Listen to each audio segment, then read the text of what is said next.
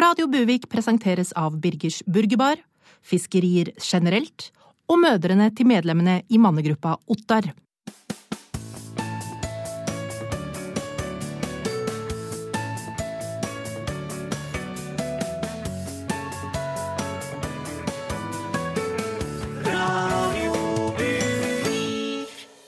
Hei på dere. Det er endelig lørdag, og det betyr at jeg, Helle Dahl, er klar for å lose deg gjennom nok en sending av Radio Buvik, den nye lokalradioen for Norges minste storkommune, Buvik. Ute der begynner det virkelig å bli høst, mens her inne, med toddyen på kanna og panelovnen på maks, er jeg klar for å gi deg et hei, hei og et dypdykk fra vårs i Radio Buvik. En 360 graders oversikt fra sjølve buljongen tatt Norge, nemlig Buvik kommune. I går hadde politisk protestsanger Leif Bjugn konsert i Buvik Spektrum, og overraska alle med en ny hardtslående og svært aktuell låt. La oss høre på det. Takk, takk. Tusen takk. Takk, takk. Jeg har lyst til å si et par ting før vi begynner. Det har vært en helt jævlig uke, prega av kvinnefiendtlighet. Jeg trodde vi hadde kommet lenger, det har jeg bare lyst til å si. Jeg blir faen meg flau over menn som kan sitte og spy ut edder og galle, altså drit, i media. Jeg snakker selvfølgelig om Kim Kardashian-uttalelsene på God morgen Norge. Og denne låta går ut til Norges største kvinnehater. Hva faen var du tenkte med Jan Øyvind Helgesen? Jeg er ganske sikker på at det var med pikken igjen. Jeg blir så forbanna, det går faen ikke an å si noe sånt som en voksen mann om vår alles kjære yndling Kim Kardashian. Kom igjen! Ditt jævla rasshøl og sjåvinist.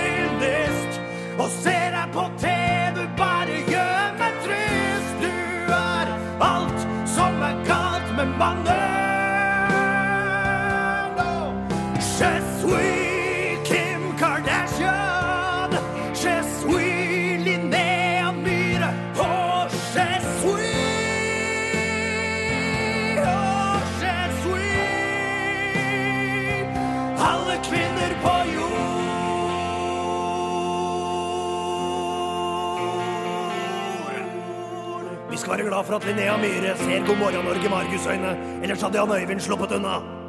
Jeg vil beklage på vegne av penis. Vi er et jævlig kjønn.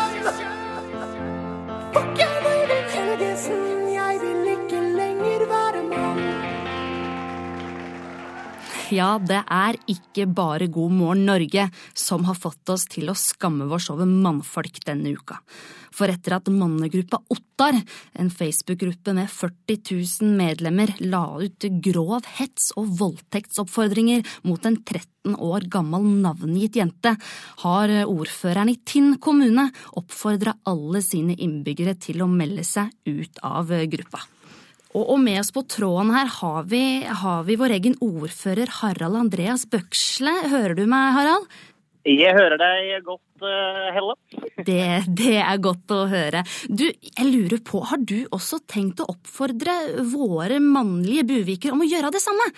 Nei, du, det har jeg ikke planer om. Altså, Det som foregår i mannegruppa Ottar, det tåler vi.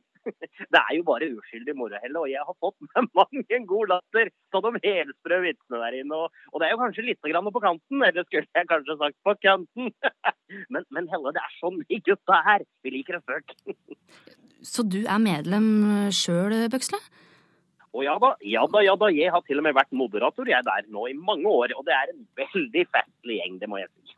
Ok, Men det er altså lagt ut navn og personalia på en 13 år gammel jente.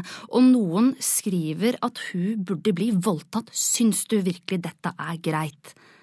Ja, men da, da Helle, altså, da, må jeg, da må jeg si legger du, legger du sånne ting ut på nettet, altså legger hun sånne ting ut, eh, og det blir spredd, så er det jo ikke den som sprer sin skyld. Er det det, da? Altså, altså, det, det, altså, det sier jo seg selv. Altså, du, og det, det, er, det, er, bare uskyldig moro, ikke sant? Vi tar noen øl og ser ei mindreårig jente ha en mening, og så, og så jazzer man litt om det, ikke sant? Altså, litt jazzing om å voldta, og, og det er bare fleip, Helle. Altså, Du veit jo hvordan det er. Jeg veit ikke, Bøksle, jeg veit ikke hvordan det er.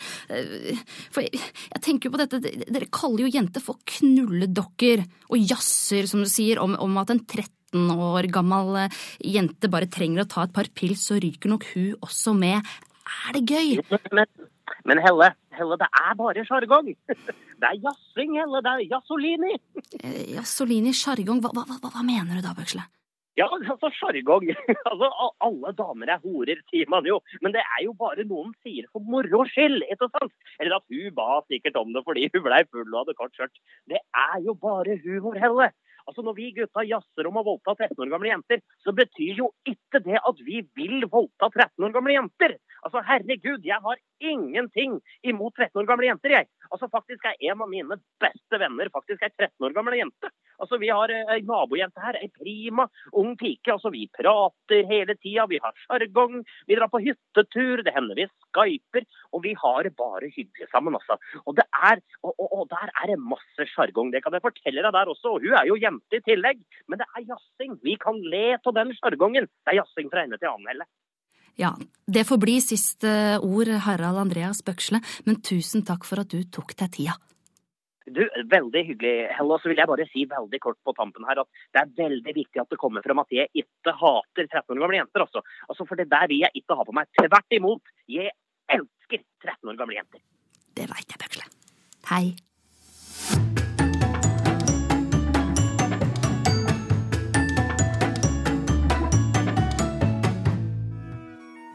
Hva skal vi leve av etter oljen? Brun saus og kjøttkaker? Tror ikke det. Vi i Innovasjon Norge ber nå regjeringen om skarve 332 millioner kroner fordi vi vet hva Norge trenger. Branding, digitale plattformer, native user content, visuell identitet, logos, wow, fonter, brand identity, inbound, message, marketing, budskap. Innovasjon Norge er den nye oljen.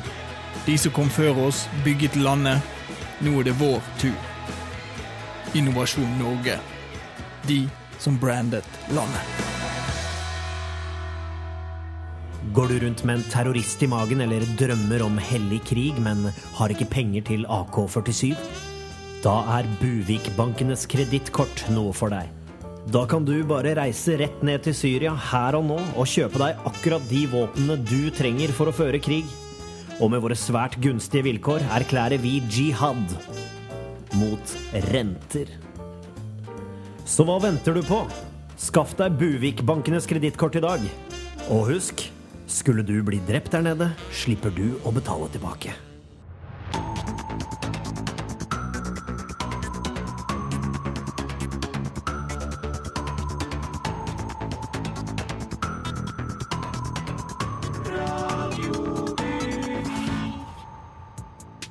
Velkommen til Buvik Nytt. Her er ukas toppsaker. Bistandskonsulenter tar ut flere millioner i utbytte. Buvik har arrangert sin første boksekamp etter at forbudet ble opphevet. Og tenketanken Riktige tanker har konkludert hva du bør mene om mannegruppa Ottar-gate. Men først skal vi høre at en finansakrobat i går ettermiddag ble pågrepet på sitt kontor i Buvik sentrum. Finansakrobaten klarte nesten å unnslippe ved å ta en saldomortale ut av ruten på sitt eget Excel-ark og rømme videre av gårde på en slak bunnlinje, men klarte til slutt ikke å holde balansen i regnskapet og falt kraftig, til stående applaus fra politibetjentene som jaktet på han. TV 2s eh, God morgen Norge-programleder Jan Øyvind Helgesen uttalte etter ukas ran av Kim Kardashian i Paris At eh, hun fikk ukjente menn inn på rommet sitt, det vil jeg tro hun vanligvis ikke ville ha noe imot. Den sexistiske kommentaren har fått bl.a. Linnea Myhre til å se rødt. Men Helgesen uttaler til Radio Buvik nå har jeg tatt den sluttpakka, så jeg sier hva faen jeg vil. Jeg er lei av å være en hyggelig programleder og kan endelig si hva jeg egentlig mener. Jeg skal jo slutte uansett. Flere som har tatt sluttpakken er bl.a. Nils Gunnar Lie, og han kunne denne uken melde at han gleder seg til tre uker på horhus i Riga, der jentene fortsatt er slanke, og ikke som de gamle innskrumpa tjukkasdamene på TV 2-huset. Dessuten lukter vår staude skikkelig promp, sier Lie i en kommentar. I går kveld ble det i Buvik flerbrukshall også avholdt Buviks første boksekamp etter at bokseforbudet ble opphevet. I en vennskapelig oppvisningskamp av den edle, tradisjonsrike sporten ble det foran et jublende hjemmepublikum bygd opp til duell mellom vår egen Katinka Stålslegga Fjellstein og nabokommunen Fjørangs eneste aktive bokser, 15-åringen Pia Løvblad. Kampen varte i 19 sekunder, og Løvblads manager og far, Gorm Løvblad, lover returmatch. Ja, så, så, så, så snart Pia er skrevet ut fra kirurgisk sengepost, eh, og kanskje også har kommet i puberteten, da, ja, da er vi tilbake, altså. Da skal vi høre at Buvik-mannen Geir Fredriksen er tildelt årets nobelpris i økonomi. Fredriksen får prisen for sitt arbeide med å finne ut hvordan man får nobelpriser. I kjølvannet av mannegruppa Ottar Gate kan den moralske tenketanken Riktige tanker nå konkludere over enhver tvil at smakløse vitser står i direkte årsakssammenheng med å ville voldta mindreårige. På samme Facebook-side som en navngitt 13-åring henges ut, ligger det også noen såkalte sjokkvitser om f.eks. incest mot småbarn. Ja, ja, alle disse vitsene og alt annet som vi syns er umoralsk, ja, ja, det bør forbys, ja. ja. Sier Flinkert McFlinkesen, moralpolitisk talsmann for Riktige tanker. Tenketanken er dog villig til å gjøre et unntak for sjokkvitsene til Ricky Gervais og Louis C.K., for de vet vi ikke mener det på den måten. I en relatert studie konkluderer tenketanken Riktige tanker også med at å skrive Facebook-poster om å ville forby smakløse vitser står i direkte sammenheng med å være et skikkelig, skikkelig godt menneske.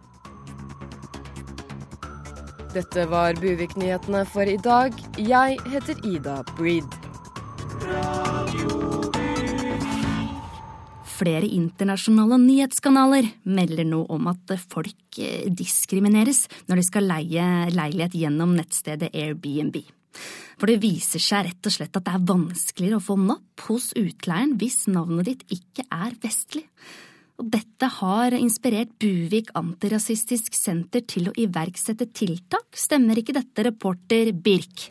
Det stemmer, Helle. Jeg står nå sammen med Sivert Flått, altså lederen i Buvik antirasistisk eh, senter. Antirasistisk? Ja, be beklager det. Ja, Ja, ja. hei, Sivert. Eh, Du ble jo veldig, eh, ja, kan man si provosert da du hørte denne nyheten? Åh, du må gjerne si provosert. Jeg ble forferdet Ja. da jeg hørte at det var vanskelig for svarte å, å få leid leilighet gjennom eh, Airbnb, altså utelukkende fordi de var nettopp svarte. Eh, så da bestemte jeg meg for å ta til motmæle. Så nå, midt i Buvik sentrum, har jeg eh, dekorert og satt opp så- og leier da ut en leilighet utelukkende for svarte mennesker. og den kaller jeg for Air R&B. Air R&B, altså i musikksjangeren. Ja, du tok en du. Velkommen inn. Jo, du, takk skal du ha. Nå går jeg altså inn i en leilighet på ett plan, og Det her er alt på ett plan. Ja. Det liker de. Ja. Eh, og hvis du kikker her allerede i foajeen, så kan du se her at her vil de føle seg velkommen. For her står det altså et fat med vannmelon. Ser du det? To, her kan du velge da oppkuttet, eller kan skjære selv. Så, så det er liksom for å få smaken. Og, og, og, og merker du det under bena, hvis du ser ned her nå? Sebramotiv. Heldekkende teppe Ja, i hele leiligheten med vegg- sebra. Vegg-til-vegg-teppe. Vegg til vegg. Og, apropos vegg, tapet med, med tigermønster. du ser dyr, ikke sant? Det, det syns de er spennende. Og, og her kan du se, du kommer inn i et lounge area her nå, eh, hvor du ser da en lenestol som står under en vifte, eh, sånn taktrekk, som gjør at der kan man sitte og røyke cannabis eh, uten at naboene merker det. Eller eh, hvis du ser i barskapet her, skal vi se. Her kan du se litt av hvert. Her har du gin, du har juice, du har Hennessy. og da kan man lage seg en liten gin and juice da, vet du, og sette seg i lenestolen og laid back with the mind on the money and the money on the mind. Og her kommer vi inn i, i stueområdet. Oi, her er det jo musikk på her. Her er det musikk, Ja. og dette er R&B. eh, Og det er musikken de liker. Da kan de rappe litt oppå, eller, eller holde på, da. ikke sant? Og, og da kan du se her at det er veldig veldig enkelt og greit. Lilla velurmøbler, eh, og ellers helhvitt. Eh, og, og sånn skal det være, altså. Eh, og vi kan gå bare Du har lagt frem også Er det, er det dollar som ligger på bordet her? Ja, det er det. Eh, Her ligger det faktisk to eh, våpenreplikaer eh, og eh, 147 eh, dollar i endollarsedler. Sånn at hvis de har lyst til å ta bilder av seg selv til Instagram, eller de liker å oppdatere sosiale medier, og de har sin egen sjargong der, da. Eh, og, og her, hvis vi bare åpner persiennene på soverommet, så får vi litt bedre Oi, nå var den litt Nå var den litt vrang, den. Men der er den. Hvis du ser her nå, inn på soverommet. Her ser du, her er det rund seng. rund seng, og hvis vi åpner Hvis jeg bare skal vise deg en morsom ting Bli med bort til nattbordet her. Ja. skal her nå. Hvis vi bare åpner den ene nattbordskuffen her nå Skal vi se. Der har vi den. Så ligger det magnumkondomer. Oh, ja. ja. De ligger klare til kos. Ja. Store, svarte kondomer. Og, Nå piper det fra et eller annet kjøkken. fra kjøkkenet eller bare, da får du bare henge med på kjøkkenet. Ja. Nå er det klart. Jeg tenkte jeg skulle vise det, så hvis du her, her har vi en industristørrelse frityr. Som alltid står og surrer og koker. Og i kjøleskapet ved siden av så har vi, har vi masse kylling. Ferdig, klart for fritering. Hele dette konseptet virker jo veldig rasistisk. Jeg blir nesten, nødt til å be deg gå, for det er ikke lov med hvite her. No whites allowed, så jeg blir nødt til å gå sjøl. Ja. Ja, ja, ja, men her skal det flyttes, så nå lukker jeg bare igjen her nå, så sier jeg takk til Radio Buvik. Altså. Ja. Jo, takk for at vi fikk eh, komme, Sivert. Flott. Eh, tilbake til deg, Helle. Nå skal vi besøke godgutta i Buvik-gladiatorene, som håper på lovendring nå som boksing har blitt tillatt. Vår reporter har mer. Er motstanderne klare? Gjør klar til kamp. Slåss! Det går hardt for seg på treningen til Buvik-gladiatorene. I alle år har de kjempet til døden i skjul, men nå som proffboksing har blitt tillatt, ser gladiatorsjefen Lars Ovseth lyst på fremtiden. Ja, jeg mener jo det at gladiatorkamper det, det burde bli lovlig også. Altså dette her, her snakker vi om en stolt tradisjon. Så kom, kom, kom igjen, Oddgeir. Bruk sleggen. Der, ja, der satt han. Godt jobbet, Oddgeir. Nei, nei, se nå her. Han beveger jo på seg. Du, ta det spydet der, og så bare Mange har reagert på den voldelige idretten og mener gladiatorkamp bør fortsatt være forbudt pga. alle skadene og dødsfallene. Lars er uenig.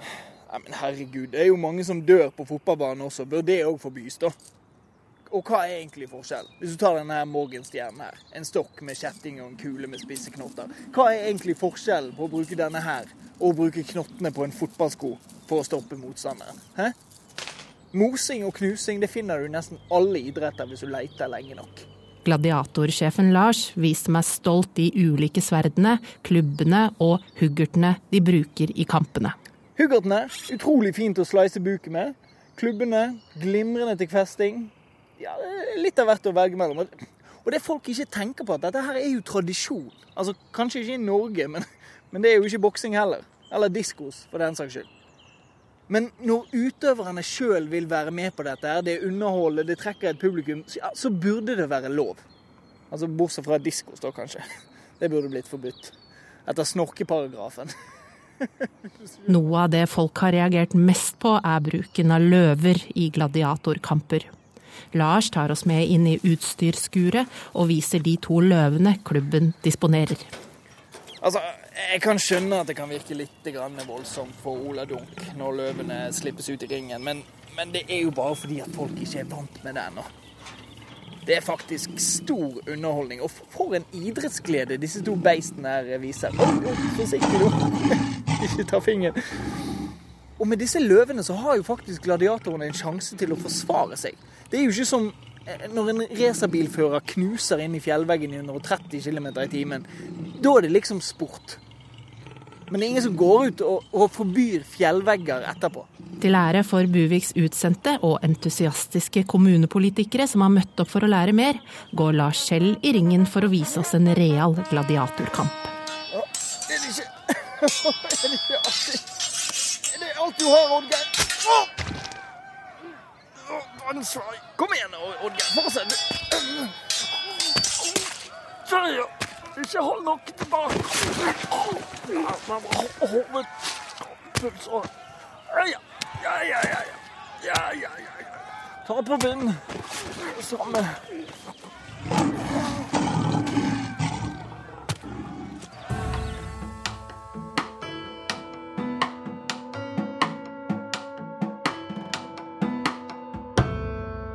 Vi i Buvik har en visesanger som vi er fryktelig stolte av, og han, han heter Åsen. Og Åsen kjenner jo vi ekstra godt til her i bygda, for hver eneste uke så gir han ut en ny låt om hvordan den siste uka hans har vært. Og denne uka tok han seg en tur ut i gågata vår. Hør bare på dette. Det Åsen her. God helg. Bare ute og går en tur i hovedgata i Buvik, vet du. Filosoferer litt for meg selv. Trekker inn litt frisk luft. Når jeg går ned hovedgaten i Buvik, og jeg ser at markedskreftene har sin makt. Jeg ser forandringer hver dag, hver dag. Når jeg går ned hovedgaten i Buvik, og jeg ser at ting forandrer seg. Er store krefter inn i bildet her. Altså, nå har det nylig kommet McDonald's, men jeg må bare si det at jeg setter pris på McDonald's. Espresso House? Nei takk, altså. Da vil jeg heller bare ha hun derre gamle Magda. Kiosken til Magda. Hvor jeg kan ta meg en pølse og tippe og lese avisen i fred. Ikke ta vekk den, da. Når jeg går ned hovedgaten i Buvik, og jeg ser at markedskreftene har sin makt. Jeg ser forandringer hver dag, hver dag. Når jeg går ned handlegaten i Buvik, og så ser jeg en sånn derre gründer som kommer fra Oslo by, og jeg ser han kjører en bil, så sier jeg hei, jeg heter Åsen, du. Jeg kjører ikke bil, men deg og meg, vi har begge stil, ikke sant? Jeg kunne gjort det der, jeg også, vet du. Men de franchise-greiene, det tiltaler ikke meg, altså. For det er jo ikke noe å ha noe eget, det. Det er jo bare en del av et stort marked, disse kreftene, altså. Jeg vet ikke helt hva jeg syns, altså. Når jeg går ned hovedgaten i Bevik, og jeg ser at markedskreftene har sin makt. Jeg ser forandringer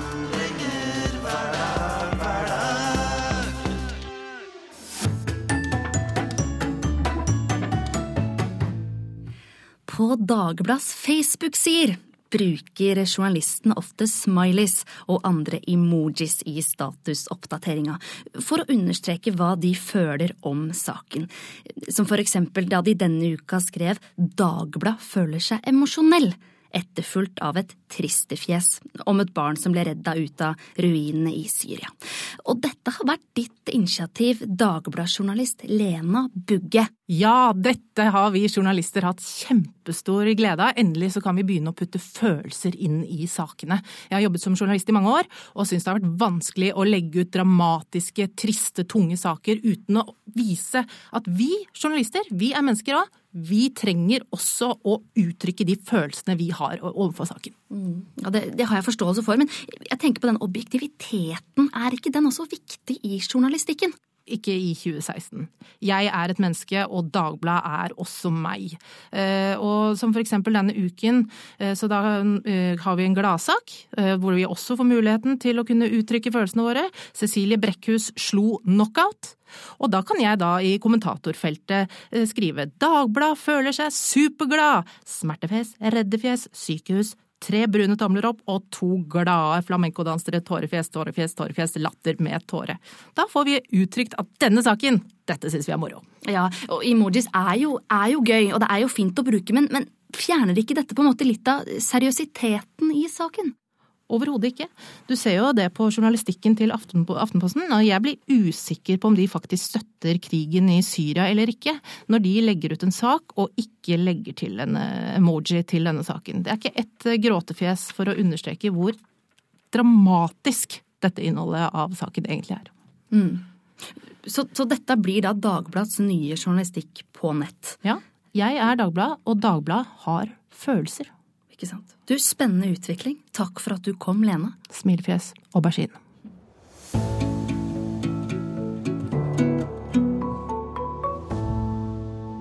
Ja, da kan vel jeg si at eh, Radio Buvik føler seg trist. Gråtefjes. For tidligere denne uka gikk vår alles Arve Christoffersen bort, og hans nærmeste kollega, venn og fluefiskekompanjong Vetle Vennestad har skrevet i hans nekrolog. Den store buvikingen Arve Christoffersen døde natt til i går etter lengre tids sykdom. Christoffersen var på 1970-tallet en populær ordfører og upopulær varaordfører i Buvik. I samme periode var Christoffersen politisk redaktør i Buvik-posten og ansvarlig redaktør i Buviken. Han har også vært leder for Buvik Arbeiderparti og Buvik Fremskrittsparti samt at han stiftet lokallagene til Høyre og Senterpartiet. Fra 1982 til 1989 var Christoffersen lensmann i Buvik, men han har også gjort seg bemerket som en markant skikkelse på den andre siden av loven. Fram til sin død var Christoffersen leder for både Buvikskaret nasjonalpark og Buvikskaret søppelfylling. I 1995 markerte Christoffersen seg som leder for seniorsaken i kommunen, før han i 1999 ble leder for Demensforeningen. I 2005, like før han ble medlem av Eldresenterets lukkede avdeling, meldte Christoffersen seg inn i Buvik barne- og ungdomslag. Arve Christoffersen etterlater seg fem barn innenfor og utenfor ekteskapet.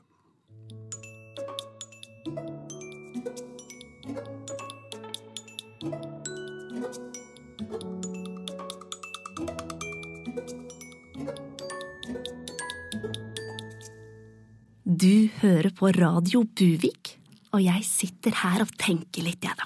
For på torsdag kom jo dette statsbudsjettet. Og tenk, kommunene får faktisk mer penger. Yes! Dette lover bra for, for, eldreomsorgen her i Buvik, og da tenker jeg kanskje vi kunne fått satt opp noen lettvegger i Buvik gymsal, sånn at noen av de eldre kunne fått sitt eget rom. Jeg krysser fingrene for det. Men nå, dere, er det endelig klart for et nytt uttrykk i vår faste dialektspalte her i Radio Buvik. Som alltid med Gjert Buson Vikbukt, den eneste som fortsatt prater distriktets karakteristiske dialekt.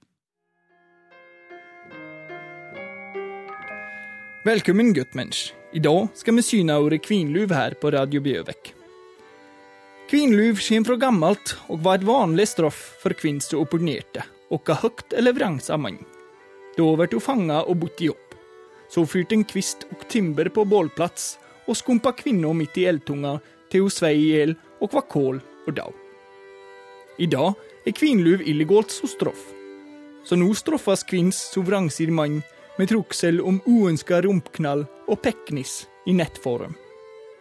Eller ved å legge ut avslørende og dulte levende bild av sug og slekk på Snappis. Da veit dykk kvi kvinluv tyr. Da attstår å si så alltid, føl viken da staselig, guttmensch.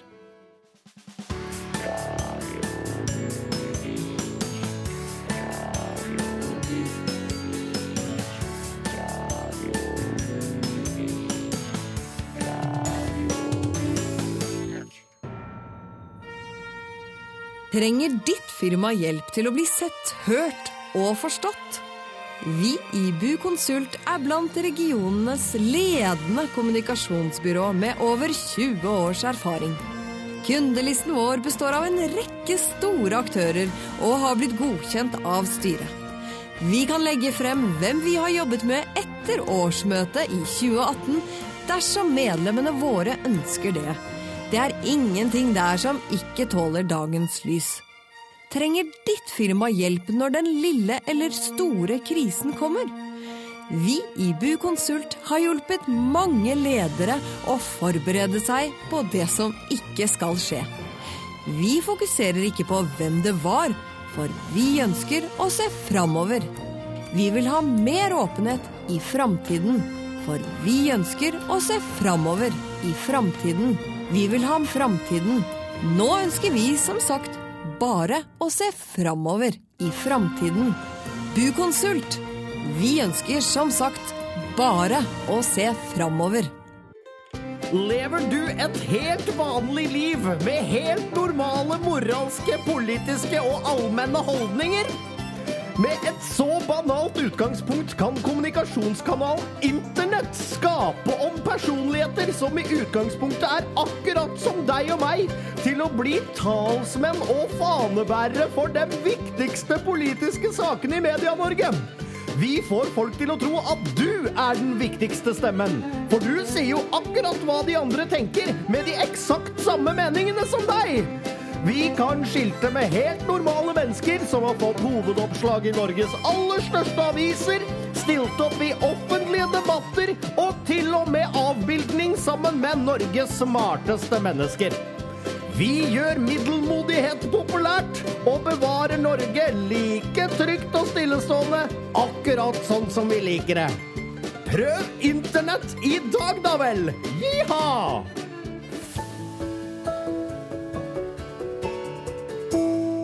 Torsdag denne uka la Siv Jensen fram statsbudsjettet, og Jensen uttalte sjøl at vi må huske på at også vanlige folk skal henge med på dette statsbudsjettet.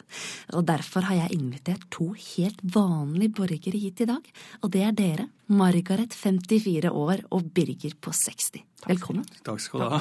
Vi henger med. Ja da, det er godt. Ja da. Syns dere at det er et ålreit statsbudsjett? Ja. Ja.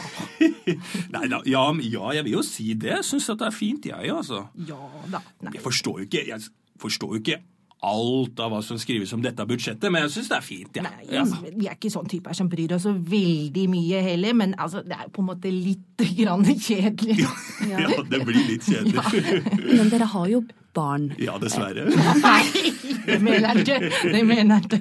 Nei. Nei men jeg, altså, ja, jeg, jeg vil si ja, jeg. Jeg syns at budsjettet er fint. Jeg gjør en Ja. god jobb. Men, men jeg tenker på, det er jo en del som på en måte bør være litt i interesse. Det er jo for eksempel ikke særlig eh, miljøbevisst budsjettering her. Nei, men altså syns jeg de miljøgreiene går litt sånn over stokk og stein, jeg for min eh, egen, egen maskin. Altså, vi kan ikke bli helt sånn uh, grønngærne heller. Nei, da, men jeg, men jeg stoler på at politikerne gjør det riktig, Vågen. Ja, Ja, har alltid gjort, gjort det. Syns de er flinke. Ja, har ikke så mye å si, vi folk uansett. egentlig. Så jeg tror ikke det har så mye å si i det Nei, store det bildet. Og øh, om vi kjører elbiler eller ikke, altså ja, om én gjør det, så tror jeg ikke det gjør de store heller. Det tar de av seg ute i store verden, tenker jeg da. Ja. Men hva med at vi bruker hele 225 milliarder kroner av oljefondet, da? Ja, noe må en bruke penger på, tenker Ja, da, jeg de har kontroll. Det tror jeg de har full kontroll på. Jeg tror ikke de driver og surrer bort noe. Så lenge ting holder seg bra her, og at vi fortsatt har det fint i landet, så syns jeg regjeringa skal få stemmen min neste år òg, jeg. Ja da. Nei, nei, neste år, sier jeg. Jeg er jo hvert femte, vet du. Er ikke Ja. Nei, jeg husker usagt det. Det. Men altså, vi engasjerer oss i vår hverdagsting, og så Ja. da får politikerne engasjere seg i politikken, og de får gjøre den jobben, for jeg stoler på de gutta der. Ja, det er grenser for hvor mye vi kan gjøre. Det er Ja. jo derfor vi har politikere. Kan ikke gjøre annet enn å stole på dem. Og de er så flinke til hjelp. Ja, jeg syns de er flinke. Ja, men det mener jeg. Jeg syns de er flinke til å si at nei. jeg synes de er. Ja. Det er ikke lett å være Listhaug. Nei, det er helt enig. Altså, jeg syns folk skal trekke seg litt tilbake og la politikerne gjøre jobben. Det syns med jeg med dette på de. Stol på dem! Der er du, helt enig med. Ja, For å si det sånn, da, programleder, at det er mange andre land som har det verre enn oss. Det må vi huske litt Ja. grann på. Så, så nå handler det, tror jeg, da, om å bare verne litt grann over uh, sitt eget land. Uh, og så tror jeg ikke vi skal sitte her på, og, på berget og klage så mye. Eh, så jeg synes at budsjettet er fint, jeg. Der er jeg helt enig med mannen min. Ja. Fine ord på, på slutten her. Ja, Takk skal du ha. Da sier jeg takk for at dere kom. Ja, dette var moro. Ja. er det rett ut på radioen? Ja da, Ja. det er det. Hei, hei. ja. ja, da kan vel jeg konkludere med at eh, den vanlige mannen i gata er fornøyd. Og da er jeg fornøyd, jeg også.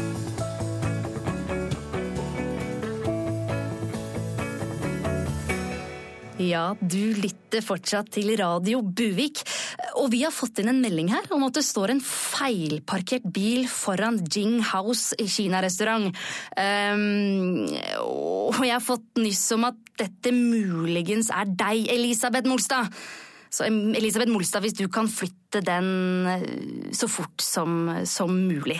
Um, ja, og mens, mens Elisabeth flytter bilen sin, så skal vi inn i dagens dypdykk.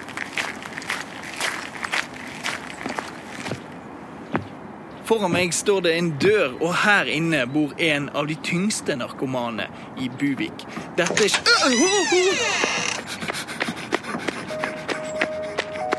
Den hvite døren ble røsket opp. Jeg var redd. Livredd. Hjertet pumpet som en kroppsbygger i brystet mitt. Jeg angret. Hva er det egentlig jeg har begitt meg ut på? Mitt navn er Harald. En helt vanlig reporter i Radio Buvik, med et helt uvanlig prosjekt. Denne høsten skal jeg stikke innom folk som er syke, fattige, narkomane, utlendinger. Ja, you name it. Denne uken, Harald, altså jeg, stikker innom en narkoman. Jeg sjøl er verken syk, fattig eller narkoman, så her er det duket for nye perspektiver, for å si det sånn. Der var du, ja. Jeg beklager så mye. Jeg ble bare litt redd når du, du åpnet døren så susende fort der. Litt livredd, faktisk. Hei, Harald heter jeg. Lene her. Så her bor altså du. Ja. Og du er narkoman. Ja, det kan du vel si, eller Ja. Det er jo vanskelig å Den trange, trehvite gangen til Lene lukter av sko, dørmatte og gang. Skoene står hulter til bulter, og ikke i skohyllen som hjemme hos meg. Tør jeg dette, tenker jeg. Jeg tar mot til meg og følger etter Lene inn i stuen hennes.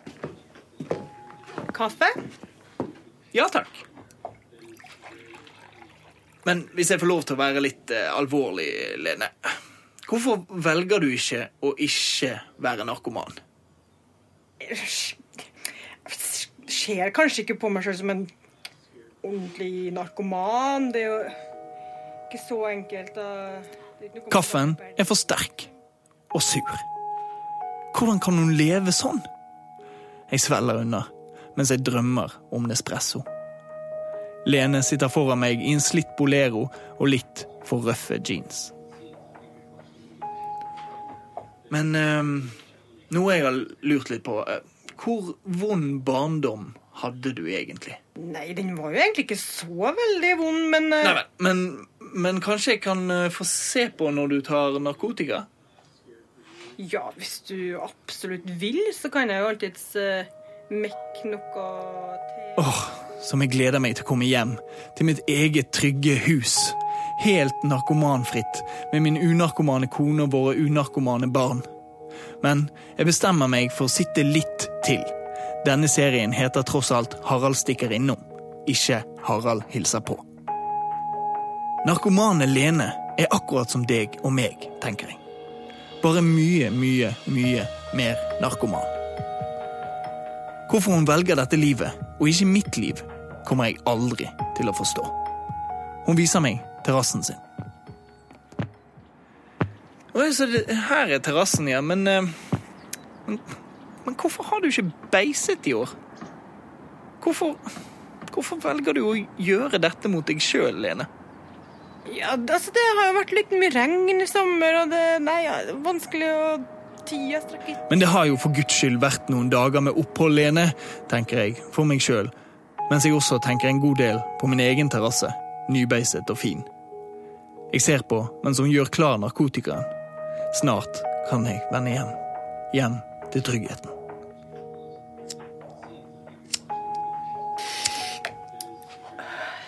Sånn gjør jeg det. Du Jeg, jeg klarer ikke forstå at, at du vil gjøre dette mot deg sjøl. Slapp av litt, da. Det er jo bare litt hasj. Vil du ha litt? Nei! Er du helt over styr?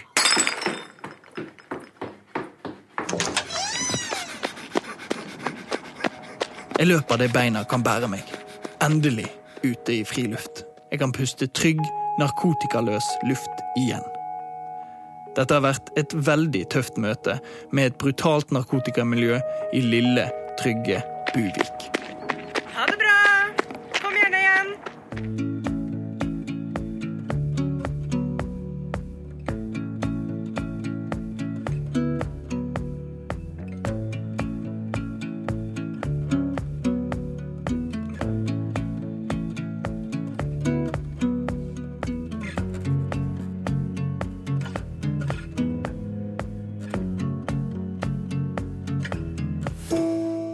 Radio Buvik presenterer leserinnlegg.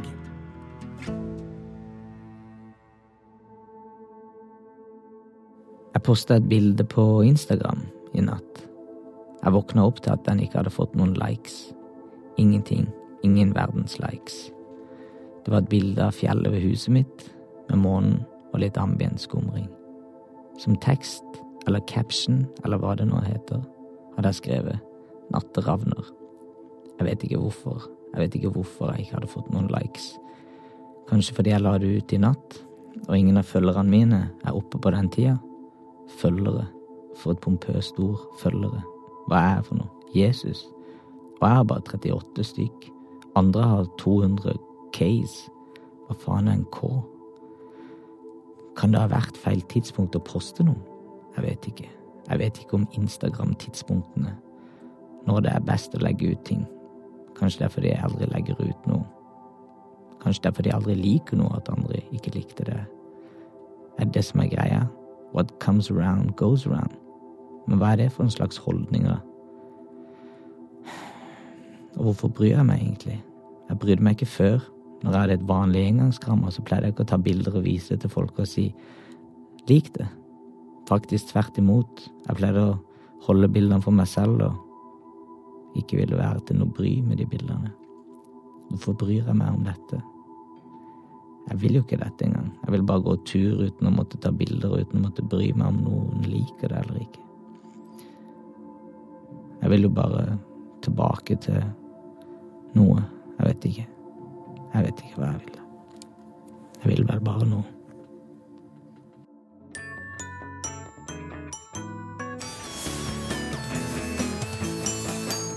Høstsola skinner her i den koselige kommunen vår Buvik. Og nå som høsten har kommet, betyr det én ting. Det er endelig tillatt å starte årets hummerfiske. Og jeg veit om en som er godt i gang med dette, ikke sant Henriette? Ja, hei Helle. Nå befinner jeg meg i Buvikbukta sammen med hummerfisker eh, Tage Ite. Og Tage, hva er det du elsker med hummerfisk? Hysj, nå må vi være litt stille her. Ja, Ja. Ok, Jeg visste ikke jeg må være stille når man er på hummerfiske. Der er vi i gang. Der er vi i gang. Hva skjedde nå? Nei, bare skjøt en elg borti der. Ser du ikke elg borti der? Ja. Ser du vannkanten der? jeg- jeg jeg ja, ja. Og der, jeg traff ikke helt riktig, men det ligger litt skadeskutt. Men det tar vi etterpå. Jeg. Hva var det du sa for Nei, jeg trodde vi var her for hummerfiske, men nå ble det plutselig skutt en elg. jeg beklager, burde sagt ifra der. Men jeg sier ja takk, begge deler. Altså, her skal det drepes, det er det viktigste. Og så kan jeg være såpass ærlig, det kan jeg være hvis jeg skal svare ordentlig på spørsmål, jeg, jeg er jo mest eh, fan jeg er av hummerfiske, for da fanger du jo dyret levende. Og så kan du se i øya mens det koker, vet du. Og det er så deilig, altså. Ja. Ja, sånn elgjakt. Da skyter du Nå er jo den elgen fortsatt levende, den jeg skjøt nå, da, så det er jo litt glede i det. Ja, nå ser den driver og rykker der borte. Ja, ja, ja, ja, ja. Og det er også da også grunnen til at du liker hummerfisk og jakte er jo dette med å drepe. Ja, absolutt. Altså, altså, hadde det ikke vært for at vi får lov par ganger i året i hvert fall, å drepe ting, altså Ja, lovlig. Ja. altså, Hadde det ikke vært for det, så tror jeg faen jeg hadde drept meg sjæl, jeg.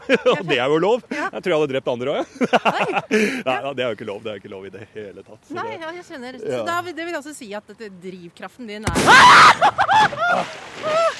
ja, Hva hva, hva, Men hva er det du holder på med? Nei, nå Eh, nå Jeg beklager, jeg, jeg pleier å være aleine. Jeg skal si ifra neste gang jeg skyter, altså, men nå skøyt jeg bare vilkårlig rett ned i vannet. Så regner jeg med at den traff en fisk, og det er noe med den gleden at nå tror jeg faen meg jeg har drept noe mer, altså. Ja, det, det, det, jeg, jeg, må, jeg må jo spørre, jeg skjønner jo ikke Hva er liksom denne higen etter å drepe hele tiden, eh, Tage? Det er jo et evig spørsmål, det, altså, men den ligger hos oss alle. Altså. Det er som jeg sier, du kan ta bort kaffelatten til gjennomsnittmennesket, Ja. men tar du bort ursinstinktet, så tar du livsgnisten vekk med det samme. Ja. ja, nei, men jeg tror vi bare setter over til eh, deg, eller og så lurer jeg på om du bare kunne kjørt meg fort inn til land. Ja, det, Det hadde vært fint om du bare gjorde det elgen, det- det- nå- Ja. hvor ble Men jeg tror vi bare nå? til å komme oss inn til, til Ja, ja, ja, ja, men nå Jeg tar årene Jeg, jeg bare ror inn, jeg. ja. Hvor faen ble det av den elgen? Takk, Henriette. Sist uke slapp NRK første episode av ungdomsserien Skam, sesong tre. Og det tok ikke lange tida før fagpersoner gikk ut i media og hylla den nye sesongen. Psykolog Peter Kjøs kasta seg fort på med en kronikk om machokultur. Tore Langfelt, også psykolog, trekker fram Isak sin harde kamp som homofil. Og sosiolog Willy Pedersen mener Skam skildrer et realistisk bilde av ungdom og rus. Også i Buvik har Skam engasjert det akademiske miljøet, og psykolog Geir Brem, du har skrevet 265 kronikker relatert til Skam, stemmer ikke det? Jo, det stemmer. Eh, Midt i sesong to så sa jeg faktisk opp min jobb som psykolog og satset 100% på kronikkskriving relatert til skam. Jøss. Yes. men hva er det med Skam som skaper et sånt engasjement i det akademiske miljøet? Nei, altså Bare i tittelen Skam så kan man jo trekke linjer langt inn i kristne hvite mann sin evige skyldfølelse i forhold til korstog, jødeangivelse. Altså, og i den nye sesongen så handler jo alt om Isak. Liksom. Tilfeldig? Nei. Altså Ifølge Det gamle testamentet beordret jo Abraham å ofre Isak på Morias berg. Altså I Det gamle testamentet ble jo ofringen stoppet i siste sekund, men nå stiller jo Skam spørsmålstegn med, med om denne ofringen burde ha skjedd for Isak. Det viser jo seg at Isak han er jo homofil. Jøss. Ja, øh, Kan jeg også skyte inn noe her? Fordi eh, Fysioterapeut Mikael Bråten, jeg vil bare hylle Skam for å speile ungdoms uferdige muskulatur. Veldig fantastisk. Men ja, det Ja, er Og så vil jeg også lure på en ting. Kan dere legge ut et bilde av meg med navn fysioterapeut Mikael Bråten? Ja. Ja, så der, der, der, der kan du også slenge meg på. Det er også Som psykolog Geir Brem. altså Gjerne et bilde der også på meg. altså det, Veldig viktig å bli trener blant Ja, Ja, ja, veldig- jeg, jeg bare hiver meg på her. Jeg heter Silje Hansen, jeg er Midtøsten-ekspert. Og jeg må bare si at når Skam velger å portrettere Midtøsten, og spesielt Syria-konflikten, gjennom rollefiguren Sana, så må jeg si at jeg er kjempeimponert. Og jeg heter eh, altså Silje Hansen og, og er Midtøsten-ekspert. Og så hadde det vært kjempefint om du la ut et bilde Ja, i altså, den sammenhengen ja, også. Fra meg også. Så, Bilde av deg, Jeg vet ikke ja. om jeg fikk Ja, poengtert det. eh, Også Geir er Brem, eh, psykolog. ja, er Mikael Bråten, fysioterapeut. og- og- 200 Ok, folkens.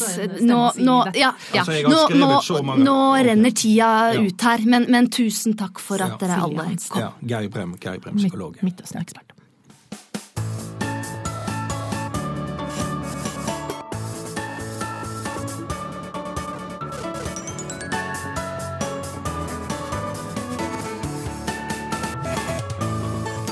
Da, dere, er det klart for episode tre av Buviks egne True Crime.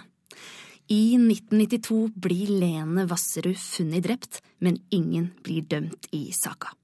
24 år senere ser vi på hva som gikk galt, og går etterforskninga rett og slett i sømmene. Og det er eh, sant som de sier, uoppklarte drap eldes som ei skikkelig saftig pappdunk med Amarone. Så sprett dunken og len deg tilbake, for dette, det er sporløst. Det er nå gått 48 timer siden Lene Vasserøds forsvinning her i Vesle Vik, og politiet står fortsatt uten ledetråder. De har sperret av store områder bak meg her, og mange frivillige har i kveld møtt opp for å fortsette letearbeidet. Og som du nå hører, kommer bygdas hjelpekorps mot meg, og marsjen går rett åt skogen. Alle som har tips i saken, bes ta kontakt med politiet. Men foreløpig er altså den 31 år gamle kvinnen sporløst forsvunnet. Jeg heter Tor Magnus Hammeren. I forrige episode av Sporløst snakka vi med dem som sto Lene nærmest. Enkeforloveden hennes Martin var kald og nifs som en isbiltrall midt i svarteste natta, men det var bestevenninnen Anne Hilde som satte meg på sporet av noe. Lene hadde en elsker. Elskeren Svein vil ikke snakke med oss, men ble i 92 avhørt og holdt i varetekt etter forsvinningen. Fire dager seinere blir han løslatt. I denne episoden skal vi høre avhørsopptak av Svein, men først måtte jeg igjen prate med lensmann Terje Aarvik. For hva skjedde egentlig i de viktige førstetimene etter at Lene ble meldt savna? Eh, Det var en ganske laber stemning på det tidspunktet. Folk begynner å mistenke hverandre, vet du. Og det er en ganske farlig greie, det. Man ser ikke mennesker lenger, man ser bare mistenkte. Man kan ikke stole på noen.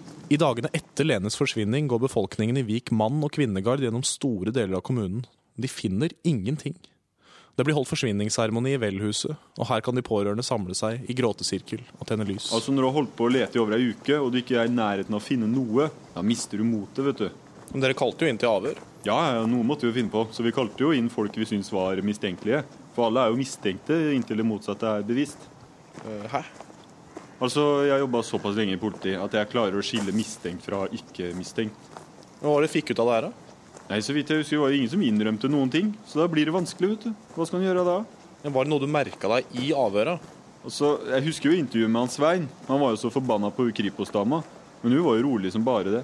Ordentlig inspirerende dame, altså. Profesjonell politi med to store PR. Men du fant jo ikke ut av det, hun heller. Vi har fått tak i opptaka fra de første avhøra av Svein. Lyden er ikke noe særlig, så jeg anbefaler deg å skru opp volumet. Men har du DAB, så er det bare kulen.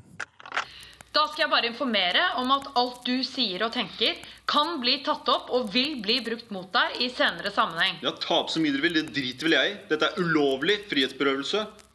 Hvor var du i tidsrommet mellom 18.00 onsdag kveld og 07.00 torsdag morgen? Hva jeg gjorde da? Vet du hva? Det skal jeg faen meg fortelle. Jeg stakk ned til Mias meksikanske matøl og kjøpte meg en tacostallerken. Så satt jeg helt aleine for meg sjæl og spiste.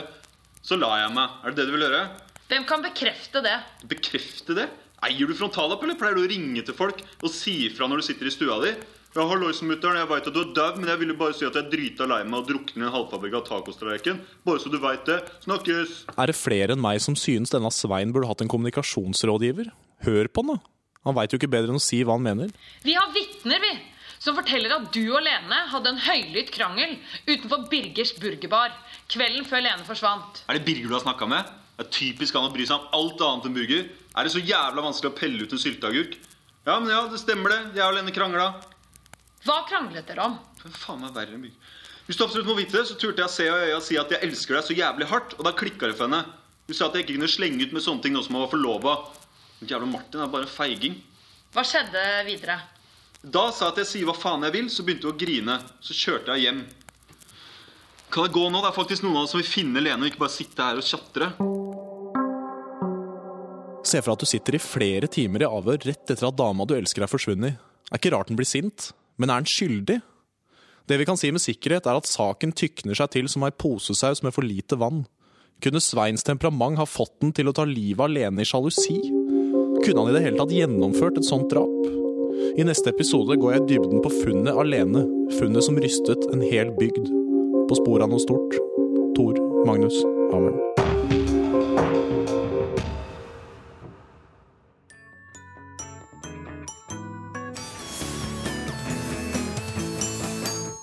Du hører fortsatt på Radio Buvik, og vi er klare her med ukas slampoesi. Ukas slampoesi. Polen. Borte bra, hjemme best. Abort er bra. I hjemmene flest. Kvinner har mistet retten til nei, Pjotr, du kjører feil vei. I en lada, full av svada, vada. Polsk, katolsk. Hjertepumper diastolisk, ikke katolisk. Vær logisk, hjertepumper systolisk. Abort itch, er deres egen rødbetrett, abort, it, en fremmedrett, tankesett, kvinnerett, rødbetrett, jeg blir svett. Lana er en kvinne som har sin fulle rett til å si nei.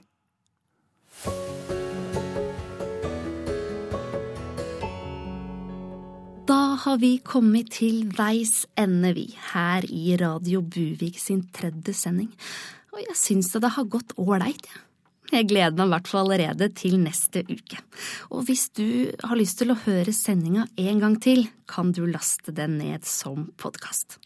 Da tar jeg meg en tur ut i den fine høsten. God Buviken!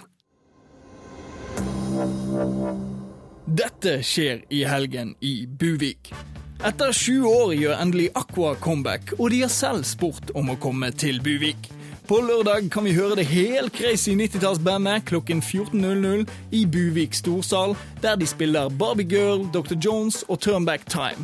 Før de spiller på Torget klokken 17.00 med låtene Barbie Girl, Dr. Jones og Turnback Time. Og avslutter med å spille opp til dans på Buvik eldresenter med monsterhitene Barbie Girl, Dr. Jones og Turnback Time.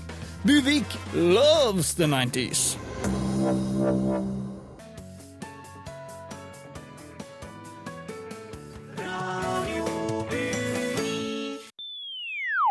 Produsert av Rubicon Radio.